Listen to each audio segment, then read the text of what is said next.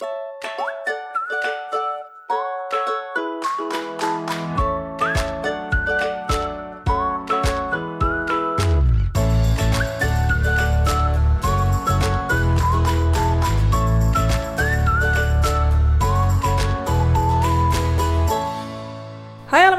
welkom bij een nieuwe aflevering van de Wat ik wou dat ik wist podcast. De podcast waarin ik deel wat ik wel eerder had willen weten en verhalen vertel waar jij je als twintiger hopelijk in herkent.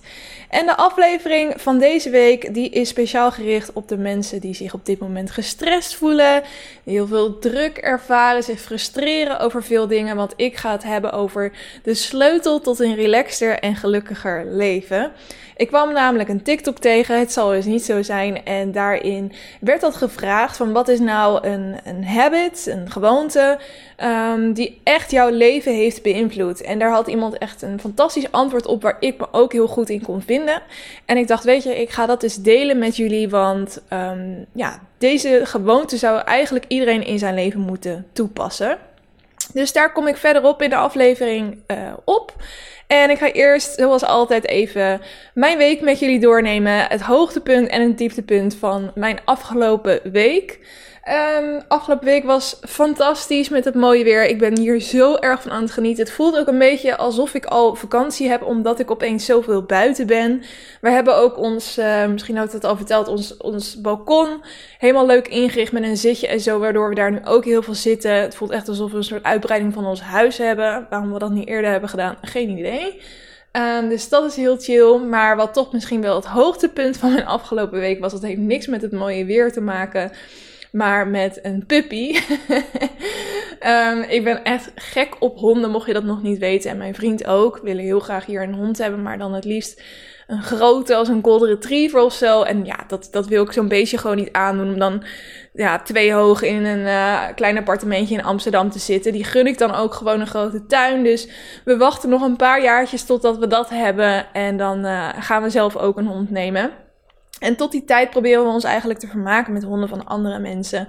En we hadden altijd al het idee van hoe chill zou het zijn als we gewoon iemand met een hond vlakbij in de buurt hadden wonen. En dat we daar nog gewoon af en toe op kunnen passen of mee naar het strand kunnen nemen. Uh, nou, dat zagen we helemaal zitten. En de afgelopen paar weken zagen we elke keer een uh, hond wandelen. Of nou ja, eerder gezegd een puppy, maar dan ook echt de schattigste puppy die ik ooit in mijn leven heb gezien. Ik moet nog even vragen wat nou precies het ras is. Uh, maar een beetje roodharig, flapperige oren, echt hele fuzzy vacht, zeg maar. Het ziet er ontzettend schattig en knuffelbaar uit. En um, ja, het is een beetje een meisje van mijn leeftijd, ook blond. En die zie ik dan dus elke keer met dat hondje lopen en aan het uitlaten. Want ja, een puppy moet je echt wel behoorlijk vaak uh, buiten laten plassen om hem zindelijk te krijgen. Um, en elke keer uh, zei ik dus ook tegen Niels, mijn vriend, van... Oh, die is zo schattig. We moeten gewoon een keer even een praatje met hem maken. En uh, nou ja, een beetje banden leggen, zeg maar.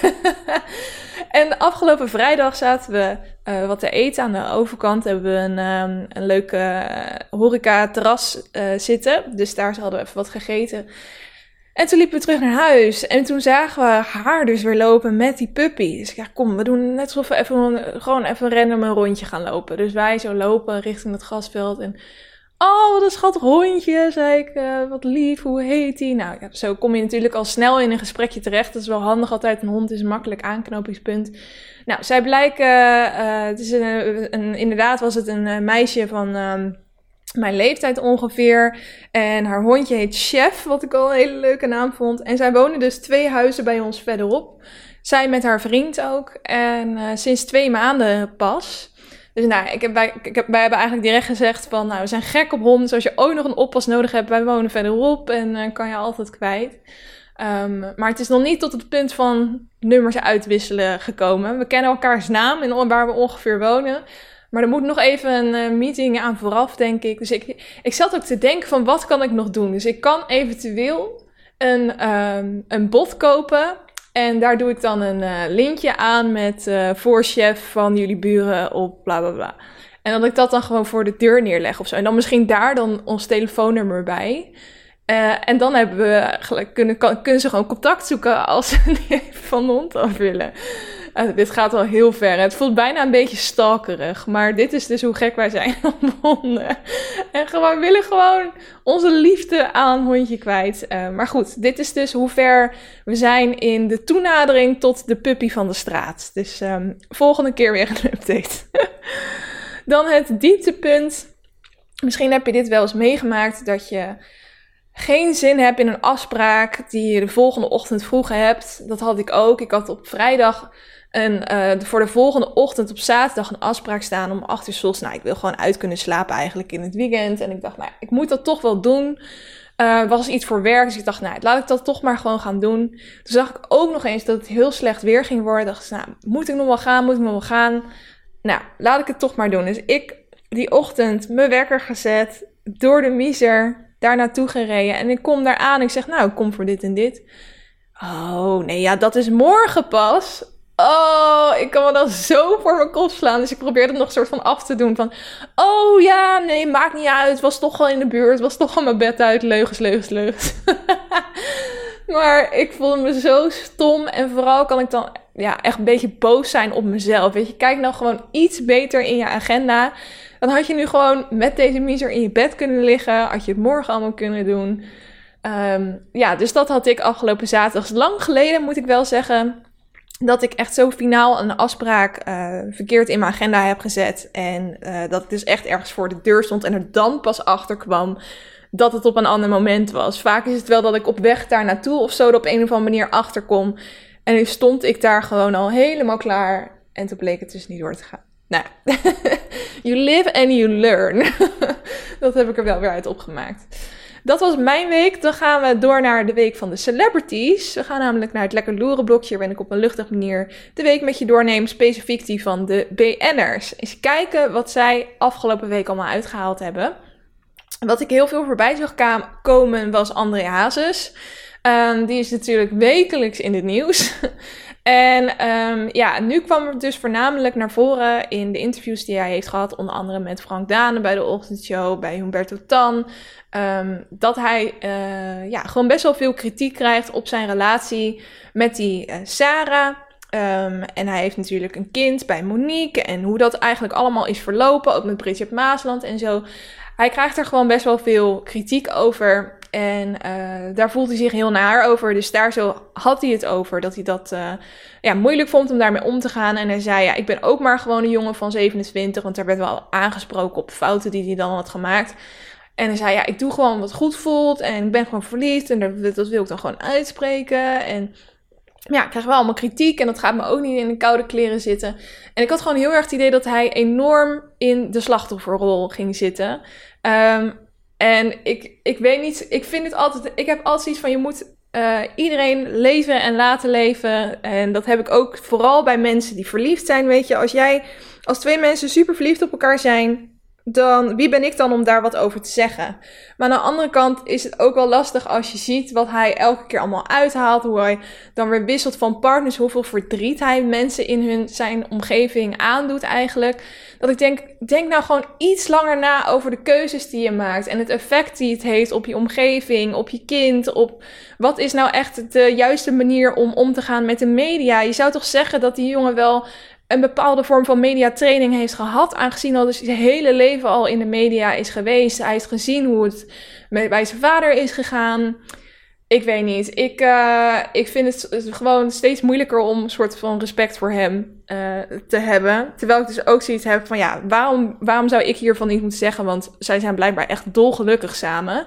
Um, maar hij zei ook zelf van, dat vond ik ook wel interessant. Want er was ook kritiek van, waarom zoek jij dan zelf elke keer de media op? Als je er ook last van hebt uh, van de kritiek die je daardoor krijgt. Maar hij zat dus ook weer aan tafel omdat hij dan een concertreeks moet um, uh, promoten. Dus dat is natuurlijk ook weer dat dat komt vanuit het management. Dat je eigenlijk als je eenmaal celebrity of zanger bent of wat dan ook, dat je wel de publiciteit op moet zoeken. Want dat is letterlijk hoe je je brood gaat verdienen. Um, dus ik snap ook wel dat het een lastige situatie is waar hij in zit. Um, maar ja, ik heb dan soms toch ook wel eens, als een vrouw dit soort dingen allemaal zou doen, dan zou ze volgens mij al lang ja, misschien nog wel veel harder geshamed worden dan dat dat nu bij een man gebeurt. Dat is een aanname hoor, die ik nu heb. Maar ik, het, ja, dat, dat, dat is een beetje hoe ik hierover denk. En ik vond het vooral. Um, dat mensen, hij werd wel heel goed aangepakt in al die interviews, maar dat hij zich ook wel heel erg makkelijk in de slachtofferrol, uh, dat hij zichzelf daarin een beetje duwde. Ik ben benieuwd hoe andere mensen hierover denken. Misschien ben ik ook veel te hard, I don't know. Volgende nieuwtje gaat over Prins Harry en Meghan. Want Meghan was natuurlijk zwanger van zijn tweede kindje. En inmiddels is ze bevallen, dus dat is wel heel leuk nieuws. Ze hebben een dochtertje erbij gekregen. En vooral de naam is wel heel interessant, want het dochtertje heet Lilibet Diana. En dan natuurlijk nog de hele reeks achternamen erachteraan. Maar ze heet Lilibet Diana. En um, misschien zeg je dat wel wat, allebei de namen. Ze slaan namelijk allebei op mensen uit de familie. Lilibet is namelijk het koosnaampje voor uh, Elizabeth, Queen Elizabeth. Misschien heb je de Crown ook gekeken, net als ik. En dan zie je ook dat, uh, nou voornamelijk uh, haar man, die dus uh, pas eigenlijk is overleden, dat haar man zijn vrouw dus altijd Lilibet noemde.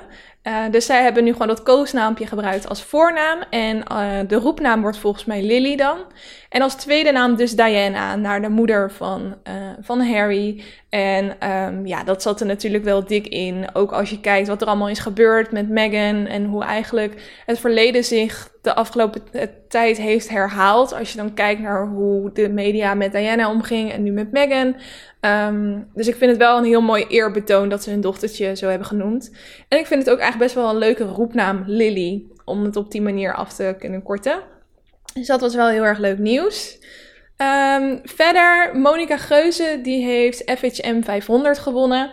En um, ik ben normaal helemaal niet zo met de FHM bezig, maar dan één keer per jaar komt dit nieuws dan weer voorbij. En dan denk ik, oh ja, dat uh, die wedstrijd die bestaat ook nog. Want het is dus eigenlijk, mocht je nog niet kennen, een uh, wedstrijd voor de mooiste vrouw van Nederland. En dan hebben ze ook verschillende categorieën waar ze dat in um, uh, uitreiken. En de FHM 500 is dus letterlijk gewoon een lijst van 500 vrouwen waar je dan op kan stemmen. Zowel publieksstemmen als een soort vakjury. En uh, die gaan dus uh, stemmen allemaal op de mooiste vrouw van Nederland. En er is dan elk jaar een grote uitreiking van. En opnieuw heb ik daar natuurlijk weer een mening over. Zo is het niet. Maar goed, dan, daarvoor heb ik ook een eigen podcast misschien. Ik, uh, ik vind het wel heel vet dat de schoonheid van vrouwen gevierd wordt. Alleen dat het dan op basis van ranking is. Dus dat er dan letterlijk wordt gezegd: nee, jij bent minder knap dan zij en zij is weer knapper dan jij. Dat vind ik wel een beetje ouderwets. Dat soort dingen doen we toch niet meer in 2021. En Monika Geuze die zei het zelf ook wel goed hoor. Want die werd ook nog geïnterviewd over die prijs. En eigenlijk deed zij daar ook een beetje laconiek over. Van um, ja, wat zei, ik heb hier nog een quote. Titel aan zich betekent voor mij niet heel veel. Ik denk dat niemand zich de mooiste vrouw van iets voelt. Ik zou willen dat elke vrouw zich de mooiste vrouw ter wereld zou voelen. Zo'n titel voegt pas iets toe als je het zelf gelooft. Um, ja, ze zei van misschien dat het later als een enorm eer uh, voelt. En nu voelt het een beetje onwennig. Um, ze had zelf trouwens ook nog een video op haar Instagram gedeeld. Dat zij dus naar het podium liep. Ronnie Flex die ging die prijs aan haar uitreiken en dat ze dus bijna onderuit ging. Dat vind ik dan juist wel weer leuk aan haar. Dat ze dan niet de perfecte foto gaat delen waar ze met die prijs op staat, maar dat ze dan juist een filmpje deelt waar ze bijna op de bek gaat. Um, en ja, dat, dat past denk ik ook gewoon heel erg bij haar en uh, de reden dat mensen haar heel leuk vinden. Um, Even kijken wat, wat zij ze zei ook op haar Instagram. Schoonheid is nooit een competitie. Ik hoop dat iedereen zichzelf een mooi mens van binnen en van buiten voelt. En daar sta ik eigenlijk helemaal achter. Um, toch denk ik wel ook van, ja, hoe lang gaat deze wedstrijd nog door? Ik denk dat het op een gegeven moment ook wel zijn running heeft gehad, zeg maar. Dat mensen gaan zeggen van, joh, doe dit maar gewoon niet meer. Dan tot slot het laatste nieuwtje is dat Nienke Plas is bevallen. Grote YouTuber en heeft ook een keer een uh, televisierster gewonnen volgens mij. Of niet een prijs in ieder geval, of best een nieuwkomer was dat volgens mij. Nou, in ieder geval wel echt een bekend figuur in Nederland natuurlijk. En af en toe kijk ik haar uh, vlogs op YouTube nog wel eens. Uh, niet zo heel vaak meer, maar ja, bevallingsvlogs, dat is, valt natuurlijk helemaal in mijn straatje. Zoals jullie weten, heb ik een soort verslaving voor alles rondom baby's en bevallingen. Ook al wil ik er zelf absoluut niet aan. ik blijf het gewoon een fascinerend onderwerp. Um, of in ieder geval, ik zeg nu heel stellig absoluut niet aan in de toekomst wel hoor. Maar een verre toekomst waar ik nu nog helemaal niet zit met mijn hoofd. Dat bedoelde ik daarmee. In ieder geval, zij had dus een video geüpload van uh, ik ben bevallen. Um, met wel een interessante thumbnail. Dus ik dacht, ga toch eens kijken. En je kan natuurlijk verschillende keuzes maken op het moment dat je gaat bevallen. Er zijn heel veel mensen die gaan gewoon op het moment dat ze um, bepaalde hoeveelheid ontsluiting hebben naar het ziekenhuis gaan. Um, er zijn mensen die graag thuis op bed willen bevallen. Maar wat de laatste tijd dus heel populair is, is om in een bad te bevallen. En of dat nou in een soort bevalhuis is of bij het ziekenhuis, heb je dan volgens mij van die kamers waar dan zo'n bad in zit. Je kan dus ook gewoon een plastic kinderbadje opblazen, in je woonkamer neerzetten en daarin bevallen. Nou, dat is dus de keuze die Nienke Plas had gemaakt. En ze heeft dat dus ook gefilmd. Natuurlijk wel dat je de Punani net niet in beeld ziet. Maar er is best wel veel van vastgelegd. En wat ik vooral fascinerend vond, is dat dus op het moment dat zij uh, bijna ging bevallen, of dat ze die weeën had en zo, en ze in dat bad in de woonkamer zit, dat iedereen werd uitgenodigd. Het kindje werd wakker gemaakt. De baby was er nog niet eens, maar ze hebben dus een kindje van, wat zal die zijn, 7, 8, 9 jaar of zo. Die, werd wakker gemaakt en op de bank neergezet. Er waren ouders bij, er waren schoonouders bij. Volgens mij ook nog een soort zwager en zus. En die zaten dus allemaal op de bank toe te kijken hoe zij ongeveer de zwaarste momenten van haar leven doorging. En op de meest oncharmante manier in dat bad zit, wat helemaal haar goed recht is natuurlijk. Maar ik zou daar dus van mijn lang zal leven geen publiek bij hebben. Zeker niet een hele tribune als wat zij had. Ik, weet, ik zat al te kijken en ik dacht echt, waarom zou je dit willen? Misschien ook wel weer iets heel moois. Dat je zo close met je familie bent. Dat je dan, ja, wat mensen dan toch wel zien als een van de mooiste momenten van je leven. Dat je een kind krijgt. Dat ze daar dan bij zijn. Dat is waarschijnlijk hoe zij erover denken. Maar nee hoor, geef mij maar gewoon ziekenhuisbed, een vriend erbij, misschien nog net mijn moeder erbij. Maar ik hoef echt geen publiek aan mijn bed te hebben. Um, maar goed, ze is dus bevallen van een meisje. Nee, niet van een meisje trouwens. Ze dacht dat het een meisje zou worden en het blijkt dus een jongen te zijn. Um, zij hadden ook voor gekozen om tot het eind, uh, ja, tot de, tot de bevalling eigenlijk uh, te wachten met erachter te komen wat voor geslacht het was. Um, dus ze hebben nog een klein jongetje erbij, dus dat is wel heel leuk.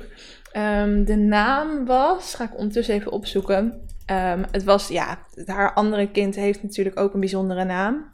Oh ja, hun eerste zoon heet natuurlijk Frankie Dean. En die noemen ze ook echt Frankie Dean. Weet je, sommige mensen die geven een dubbele naam. Maar dan is de roepnaam gewoon de eerste naam. Die heet echt Frankie Dean. En dat hebben ze dus ook uh, doorgetrokken bij hun tweede kind. Want die heet Novi Jax. Uh, Novi vind ik echt een hele leuke naam. Ik ken ook iemand goed die uh, haar dochtertje Novi heeft genoemd. Dus is ook wel een beetje een naam die voor man en vrouwen opgaat. Um, maar ja, Novi Jax heet hij dus.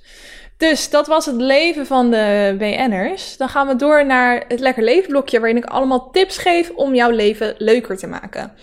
En zoals jullie weten, uh, wat ik vorige week heb verteld, is dat ik in de maand juni uh, weer een nieuwe challenge aan het doen ben. En dat is Italiaans leren. Ik ben gek op talen. Ik vind dat ontzettend leuk om te leren. Maar het vergaat natuurlijk ook weer snel. Um, dus ik ben dat nu aan het doen via Duolingo. Ik heb die app helemaal herontdekt. In een ver verleden wel eens gebruikt. En nu ben ik er dus weer mee bezig. En ik ben echt ontzettend enthousiast over die app. Ik vind het heel erg leuk wat voor icoontjes zij hebben als je dan weer iets goed hebt gedaan. Um, als, uh, ja, het, het ziet er gewoon allemaal heel erg gelikt uit. De geluidjes zijn fijn. Je krijgt echt een soort serotonine boost op het moment dat er pling zo'n geluidje komt dat je het goed hebt gedaan.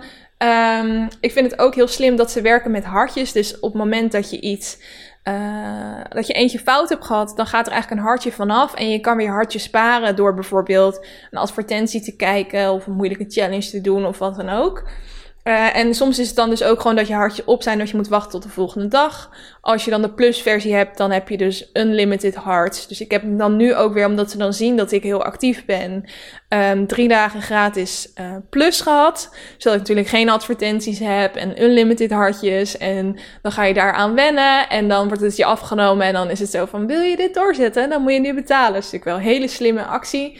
Um, Maar ja, ik vind dat die app gewoon heel goed in elkaar zit. En daarom wilde ik hem toch eventjes tippen. Mocht je nog nooit wat met Duolingo hebben gedaan. Het is al jaren een hele bekende app. Een hele makkelijke en toegankelijke manier om een taal te leren. En um, ik vind ook echt wel dat het goed opgebouwd is. Dat op het moment dat je een woordje weer een beetje vergeten bent. Dat hij hem dan weer op een andere manier in een zin verwerkt. Uh, en dat je zo ook echt je kennis bijhoudt die je in eerdere lessen hebt uh, geleerd. Dus uh, Duolingo wilde ik eventjes als download tip aan je geven. Dan een uh, doetip. En hier heb ik het wel, ook wel eens eerder over gehad. Dat is namelijk een sportles. Um, een sportles en dat is spinning. En niet zomaar spinning, um, maar spinnen op muziek, op, uh, ja, normaal wordt het dus binnengegeven. Dat kan nu net weer, dat je in een donkere ruimte zit. Dan doen ze echt de licht omlaag, muziek keihard. Het voelt letterlijk alsof je in een club zit. En dan ga je dus keihard op de beat van de muziek spinnen. Uh, en ik doe dat bij Roadcycle. Je kan het ook bij Velo doen. Um, ik weet dat het in ieder geval allemaal in Amsterdam zit. Misschien, mm, ja, volgens mij zit het ook wel in Rotterdam en Utrecht inmiddels, Roadcycle. Um, maar je, je kan eens in jouw eigen buurt kijken of er ook zo'n soort spinningles wordt aangeboden. Het liefst dan wel echt bij een spinning studio, waarbij ze dat dus ook doen met, het, um, met de muziek en met de lampen en geluid. Nou ja, alles erop en eraan. Dat maakt het voor mij in ieder geval heel erg leuk. Ik um, doe dit nu al een aantal jaar, Roadcycle. En ik uh, um, was eigenlijk even vergeten hoe leuk ik het vind. Want de afgelopen maanden waren de studio's dicht. En toen heb ik het eigenlijk ook helemaal niet meer gedaan. Toen dacht ik, weet je, ik wacht wel gewoon tot alles weer gaat. En ja, ik, ik voelde me ook gewoon niet comfortabel bij om dan in zo'n ruimte te gaan zitten. Uiteindelijk zijn ze wel buitenlessen gaan aanbieden. Maar op een of andere manier heb ik dat toen ook niet echt gedaan. En afgelopen zaterdag, nee, afgelopen donderdag heb ik het dus weer sinds een half jaar gedaan. En dat was bij uh, Strand Zuid. Dat is een hele leuke horecatint uh, hier zo in Amsterdam Zuid. Die grenst aan het water. En waar ook dus een strandje is gebouwd. Dus daar kan je dus ook eventueel, dat heb ik ook een keer vorige zomer gedaan, gewoon gaan liggen op een uh, liggenbankje in de zon. En er is dan een buitendouche en heerlijk. En er is dus een terras waar je kan eten en drinken. Super goed eten ook. En um, nu hebben ze dus ook uh, daarnaast eigenlijk een soort roadcycle studio opgebouwd. Dus het is gewoon in de buitenlucht en je kijkt terwijl je op je fiets zit uit over het water. En je krijgt dan een uh, silent disco koptelefoon op, waarin je dus de muziek hoort, maar ook de instructeur. Dus er is dus iemand vooraan die aan het fietsen is en die jou precies vertelt hoeveel weerstand je op je fiets moet draaien. Want er zit dus een grote knop en als je één keer draait, dan heb je een beetje weerstand en twee keer draait, dan nou, het wordt steeds heftiger dus. Um, en je hebt ook gewichtjes op je fiets liggen. Dus er is op een gegeven moment ook een gedeelte waarbij je dus even niet fietst en je dan oefeningen met je armen gaat doen. Um, ja, ik vind gewoon dat die lessen ontzettend goed in elkaar zitten. Vooral ook omdat het bijna een soort therapie is of zo. Um, ze gaan echt wel dingen zeggen als. Um, denk aan alle stress die je afgelopen week hebt gehad. In dit nummer ga je dat allemaal eruit gooien. En uh, dit is jouw moment. Focus je op jezelf nu. En het klinkt allemaal heel zweverig en cliché. En misschien moet je er een klein beetje van kotsen. En dat zou ik ook doen als iemand het zo aan, aan het vertellen zou zijn. Maar je moet het eigenlijk gewoon een keertje meemaken. Um, want je geeft echt alles in zo'n les. Je bent helemaal kapot daarna. Maar je voelt je ook zo ontzettend goed. En um, ja, ik was gewoon even vergeten dat die lessen dat met mij kunnen doen. Dus ik dacht, ik ga hem opnieuw eventjes tippen. Misschien heb ik het wel eens in het verleden gedaan. Ik heb er zeker wel eens een keer eerder over gehad. Maar uh, ga dat gewoon zeker een keer doen. Laat je ook niet te veel beïnvloeden op de meiden die op de eerste rij zitten met hun um, korte, uh, fantastische workout gear en wiens make-up nog perfect zit na de les. Want je moet juist helemaal kapot gaan en vooral niet te veel op je uiterlijk letten. Dat was iets waar ik bij mijn eerste lessen. Um, nou ja, wat ik ook wel eens hoor van mensen die het voor het eerst doen, dat ze dan zeggen: Ja, er zitten alleen maar van die hippe, kut Amsterdamse meiden op die fietsen uh, mooi te doen. Um, dat is niet waar de lessen om zouden moeten draaien. Dus trek je daar vooral niet te veel uh, van aan. Maar ga het zeker eens uitproberen. En als je dat doet, ben ik heel erg benieuwd wat je ervan vindt. Trouwens, nu zijn er ook roodsuikerlessen in um, uh, clubs. Dus in de, hoe heet die ook weer, die hele grote club op Rembrandtplein, de Escape. En ik ga binnenkort een les doen in de marktkantine. Dat is ook een grote uitgaansstand. Dus dat wordt denk ik ook wel heel erg vet. Want dan heb je dus de muziek- en geluidsinstallaties. Of de geluid- en de lichtinstallaties van een club. Dus dat is ook wel heel cool. En tot slot, de laatste tip die ik wil geven is een volgtip. En dat is namelijk Juf Ellen op TikTok. dat is een jongen, die heet Pieter. Zijn account heet Peter Valley 1. Ik zal een linkje in de beschrijving van de aflevering zetten. En hij um, heeft dus een typetje bedacht en dat heet Juf Ellen. En die heeft dus een brilletje op de neus en een sjaaltje om. En hij um, doet dus eigenlijk precies na hoe elke docent op de middelbare school was. Of op de basisschool, moet het denk ik eerder voorstellen. Maar gewoon de manier van praten, de manier van met je, als, als dan een, een lerares eventjes in je klas kwam en dan met die sleutels in de hand. En um, ja, je moet het gewoon zelf even gaan bekijken, maar het is zo ontzettend grappig, dat typetje. En het is ook ontzettend populair. Als je zoekt op TikTok op Juf Ellen, dan kan je het denk ik ook wel snel vinden. En hij heeft dus ook een award gekregen van de Best Social Media. Um, de Best Social Media heet die website volgens mij. Ik volg ze dat account op uh, Instagram. En dan zie je dus elke keer de leukste social media posts voorbij komen. Ze maken ook wel eens artikelen waar je dan allemaal tweets en Instagram posts zijn opgezond over een bepaald onderwerp. Bijvoorbeeld, misschien heb je dat wel eens ergens voorbij zien komen. Um, en uh, zij rijden, raken, rij, wauw, zij, hoe zeg je dat? Zij uitreiken. Zij reiken ook prijzen uit. Holy shit, liep helemaal vast. Zij reiken dus ook prijzen uit aan ja, de meest geniale nieuwe accounts. En daar zit deze dus bij.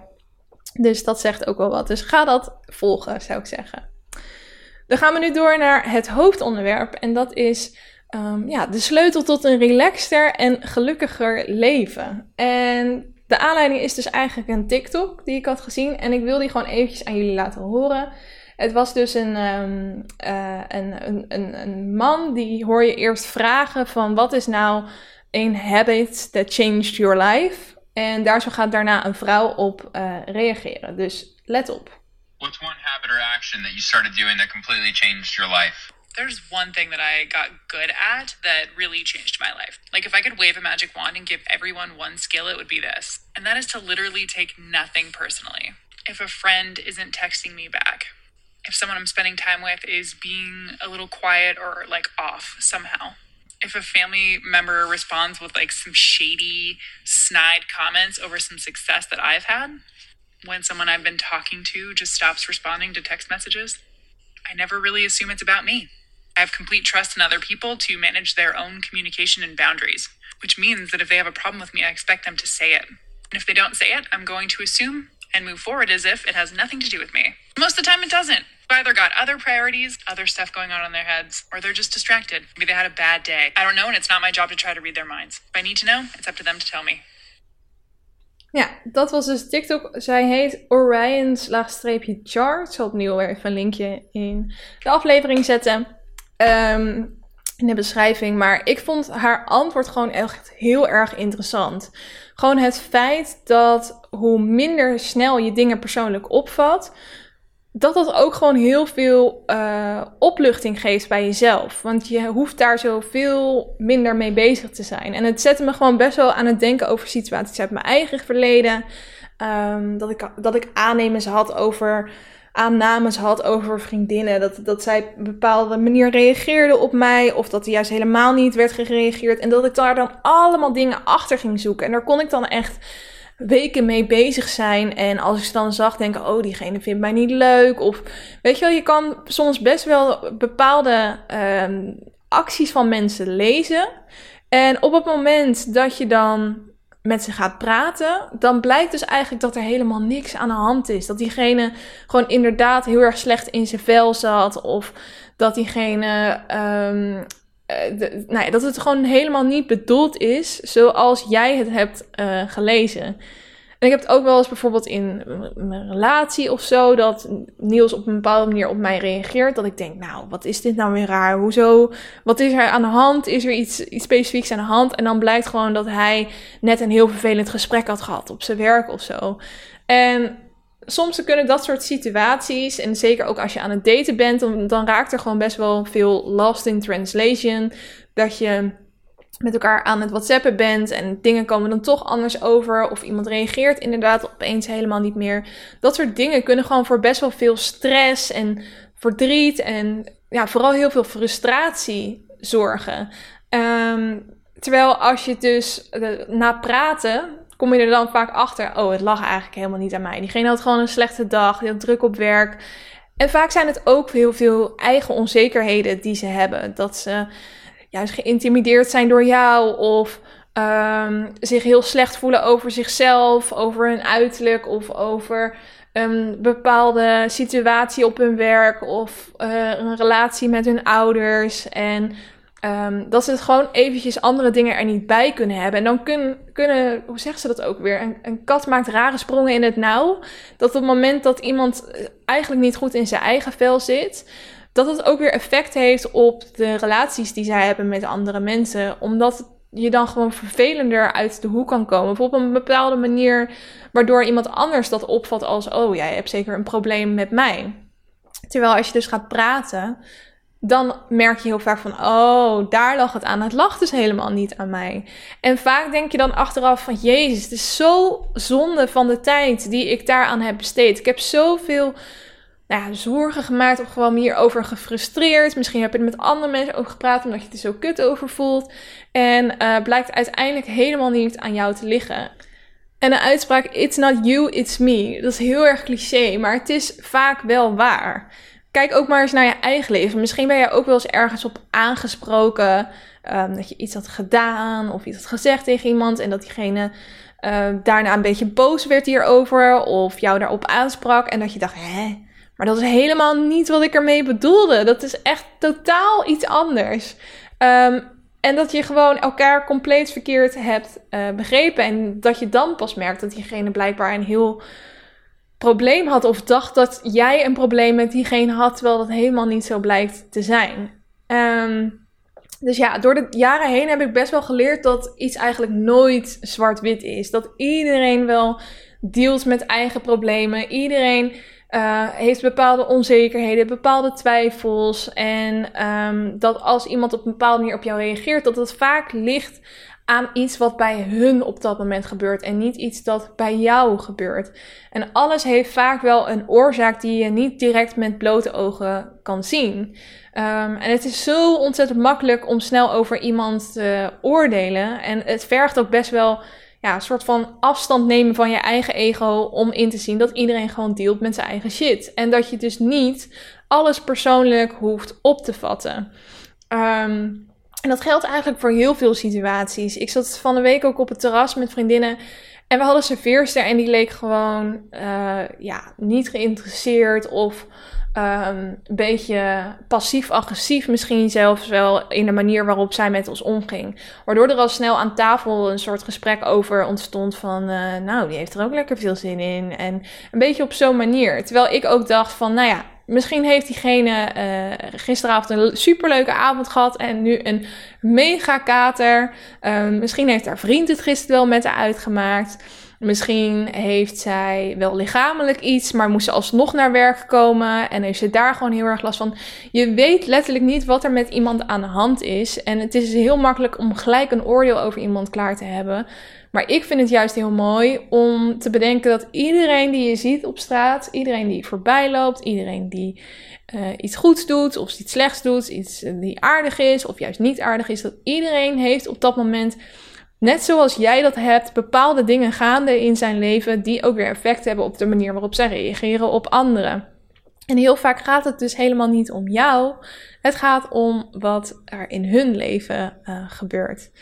Um, en ja, ik merkte dus ook zelf wel eens als bijvoorbeeld, nou, er was iemand en daar probeerde ik al heel lang iets mee af te spreken. En uh, elke keer werd het van die kant eigenlijk gecanceld. Of dan werd op het laatste moment afgezegd. Of toch van, uh, nou ja, ik kan niet. Of nou ja, er, was altijd wel wat. Waardoor op een gegeven moment ik dacht van, nou ja, misschien ligt het dan wel, uh, wel aan mij. Dan, uh, ja, ik, ik, ik blijf, het moet wel van twee kanten blijven komen. Misschien vindt diegene mij niet meer leuk. misschien passen we dan niet meer in elkaars leven. En uiteindelijk komt diegene dan een paar weken later met: Joh, ik heb het afgelopen week zo druk gehad, maar ik heb nu weer tijd. Wanneer gaan we afspreken? Superleuk, ik heb er hartstikke veel zin in. En ik, ja, zie je wel, het lag helemaal niet aan mij. Diegene heeft gewoon een heel druk leven gehad. Ik weet niet wat diegene allemaal aan de hand had, maar het lag niet aan mij. Um, en dan was ik eigenlijk heel blij, want zo'n zoiets dacht ik eigenlijk al wel dat er was. Maar dat ik het ook gewoon van me af heb kunnen zetten. Dat ik niet de hele tijd heb dan zitten denken van... oh, misschien vindt ze me wel stom nu. Of um, dat je op zo'n manier gaat nadenken. Dat is namelijk helemaal niet aan de hand. Uh, diegene heeft gewoon zijn eigen shit om mee te dealen. En op het moment dat je dat beseft, dat het in de meeste gevallen niet aan jou ligt, dan maak je het leven gewoon een stuk makkelijker, een stuk relaxter. En ervaar je gewoon minder stress, minder frustratie. En tuurlijk, um, het kan altijd zo zijn dat er wel iets aan de hand is. En um, dan moet je daar ook zeker actie op ondernemen. En als je je echt heel erg slecht over iets voelt, spreek het dan ook gewoon uit. Want uiteindelijk komt het ook allemaal neer op communicatie. Want ik ben zelf ook wel zo iemand dat ik weet gewoon dat, dat als ik uh, moe ben of geïrriteerd ben en iemand gaat me dan bepaalde vragen stellen, dat ik ook gewoon lelijk uit de hoek kan komen. Maar vaak is mijn vriend dan degene die daar zo het onderspit van vindt.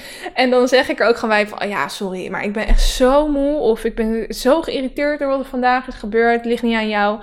Dan probeer ik dat er ook gewoon altijd bij te zeggen. Dus dat is misschien ook een tip voor hoe je je eigen leven leidt. Dat op het moment dat jij merkt dat je eigenlijk anders uit de hoek komt, dan um, ja, dat, dat het op een bepaalde manier opgevat kan worden.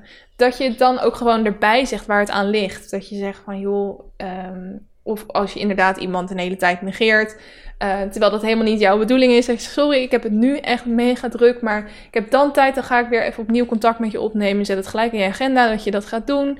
Um, maar ook als je dus een beetje lelijk uit de hoek komt van, jezus, ik heb echt een kutgesprek op werk gehad. Uh, het ligt niet aan jou, uh, sorry. Um, communicatie, daar draait het uiteindelijk allemaal om.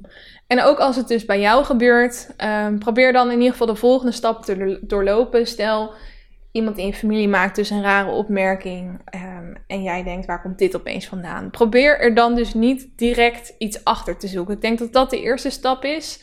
Um, probeer het niet gelijk op jezelf te betrekken, ook al doet het op dat moment misschien een beetje pijn en heb je het idee dat het misschien aan jou ligt. In de meeste gevallen ligt het dus niet aan jou. Stap 2. Probeer het gewoon even te laten gaan. Soms dan moet iets even landen. Gaat diegene er ook beter over nadenken wat er is gebeurd. Um, of uh, nou tijd voor iets nemen om het eventjes te laten gaan, dat is gewoon altijd een goed idee. Probeer niet direct vanuit emotie ergens op te gaan reageren. Stap 3, focus je op wat andere dingen, wat, uh, wat jij waar je graag mee bezighoudt, een leuke hobby, ga een boek lezen. Uh, probeer niet veel over die situatie na te denken. Uh, uiteindelijk loopt het vaak helemaal los, dat je er dus toch achter komt dat diegene iets aan de hand had wat niet aan jou lag. En als je toch zoiets hebt van ja, het zit me gewoon dwars wat er is gebeurd, begin dan later een rustig gesprek erover en vraag diegene dan gewoon naar waar dat aan lag. Wat de oorzaak was van die manier van reageren en in de meeste gevallen zul je dus zien dat het uh, helemaal niks heftigs is en uh, loopt het allemaal met een sisser af. Maar dan weet je het in ieder geval wel. Want ik kan dit natuurlijk allemaal heel makkelijk zeggen, maar dit is echt een gevalletje van makkelijker gezegd dan gedaan. Het is heel makkelijk om te denken van, oh, het zal wel aan mij liggen. Het liefst zou je natuurlijk willen dat je dingen niet snel persoonlijk opvat, maar het is ook gewoon een menselijke, natuurlijke reactie om te doen. En het kost dus ook best wel wat. Um, het vergt best wel wat van je brein om daar dan afstand van te nemen. Om eigenlijk soort van je eigen gedachten te kunnen analyseren. En te denken: is dit logisch? Is dit de enige um, oplossing die ik op dit moment kan bedenken? Of zijn er ook andere mogelijke oorzaken hiervoor? En uh, daar zo zit denk ik de grootste uitdaging voor iedereen. En dat kost gewoon eventjes om daaraan te werken. En dat is iets wat ik zelf ook nog steeds vaak doe. Uh, maar ik probeer mezelf er wel altijd op te betrappen. Van um, ja, is dit, eh, moet ik echt zo snel oordelen? Moet ik dit echt gelijk persoonlijk opvatten? Of kunnen er ook eventueel andere oorzaken zijn? Dus probeer die vraag jezelf wat vaker te stellen. Probeer wat minder bezig te zijn met ja, het persoonlijk opvatten van dingen, je daarover frustreren, zorgen maken en spreek dingen uit naar elkaar als je toch bepaalde gevoelens van frustratie blijft houden. En ik denk dat je dan zeker een relaxter en gelukkiger leven krijgt. Dus ik hoop dat je daar wat aan uh, hebt gehad. Um, mocht je verder willen praten over dit onderwerp, dan mag dat altijd via DM op Instagram. Wat ik wou dat quiz podcast heet ik daar. En tot slot wil ik nog eventjes naar de challenge. Um, ik zei het dus al eerder in de aflevering, ik ben Italiaans aan het leren. Het gaat heel goed. Ik ben bijna elke dag ermee bezig. Ik heb nu toch ook maar mijn meldingen van die app aangezet. Ik heb van alle andere apps meldingen uitstaan. Maar um, ik vind het toch wel leuk om dit elke dag te doen. En soms heb je gewoon even een geheugensteuntje nodig. Uh, en ik ben nu bij de plurals, de animals en food aangekomen. En um, ik heb het idee dat ik echt al ontzettend veel heb geleerd. Is echt zo ontzettend veel nieuwe woorden. En alsnog ben ik nog niet eens bij, uh, bij de volgende unit. Wacht, ik ben, ik ben bij unit 1. Maar ik ben nog niet bij checkpoint 1 aanbeland.